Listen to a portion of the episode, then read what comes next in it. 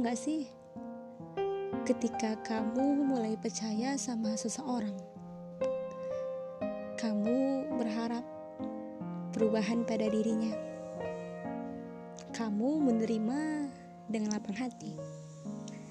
Karena kamu sadar menilai orang dari masa lalu itu sungguh keegoisan. Ketika kamu mulai percaya sama seseorang, kamu meletakkan hatimu padanya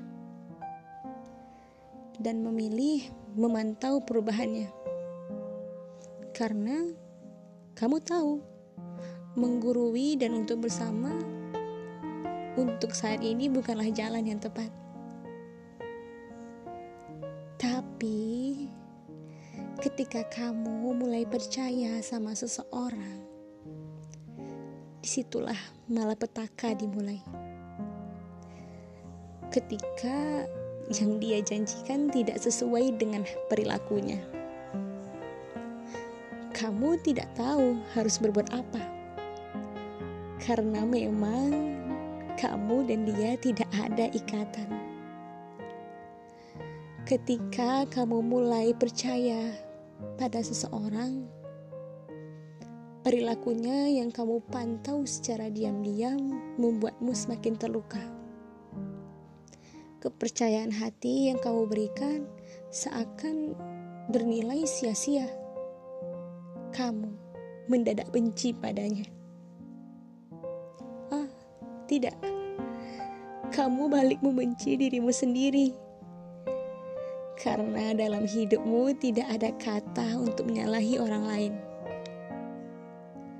Sebisa mungkin kamu tahan air mata agar tidak meloloskan diri kamu paham betul bahwa kamu sedang kecewa dan tidak dapat berkata-kata. Kenapa begitu mudah percaya padanya? Kenapa begitu mudah menaruh hati padanya? Kenapa begitu mudah berekspektasi tinggi atasnya? bodoh. Iya, bodoh. Berulang kali kamu katakan itu pada dirimu.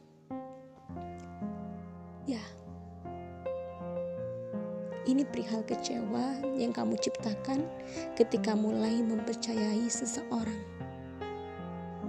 tentang aku, kamu, dan ekspektasi yang hancur seketika. Selamat malam buat seseorang yang mungkin tidak akan pernah tahu bahwa aku sudah kecewa.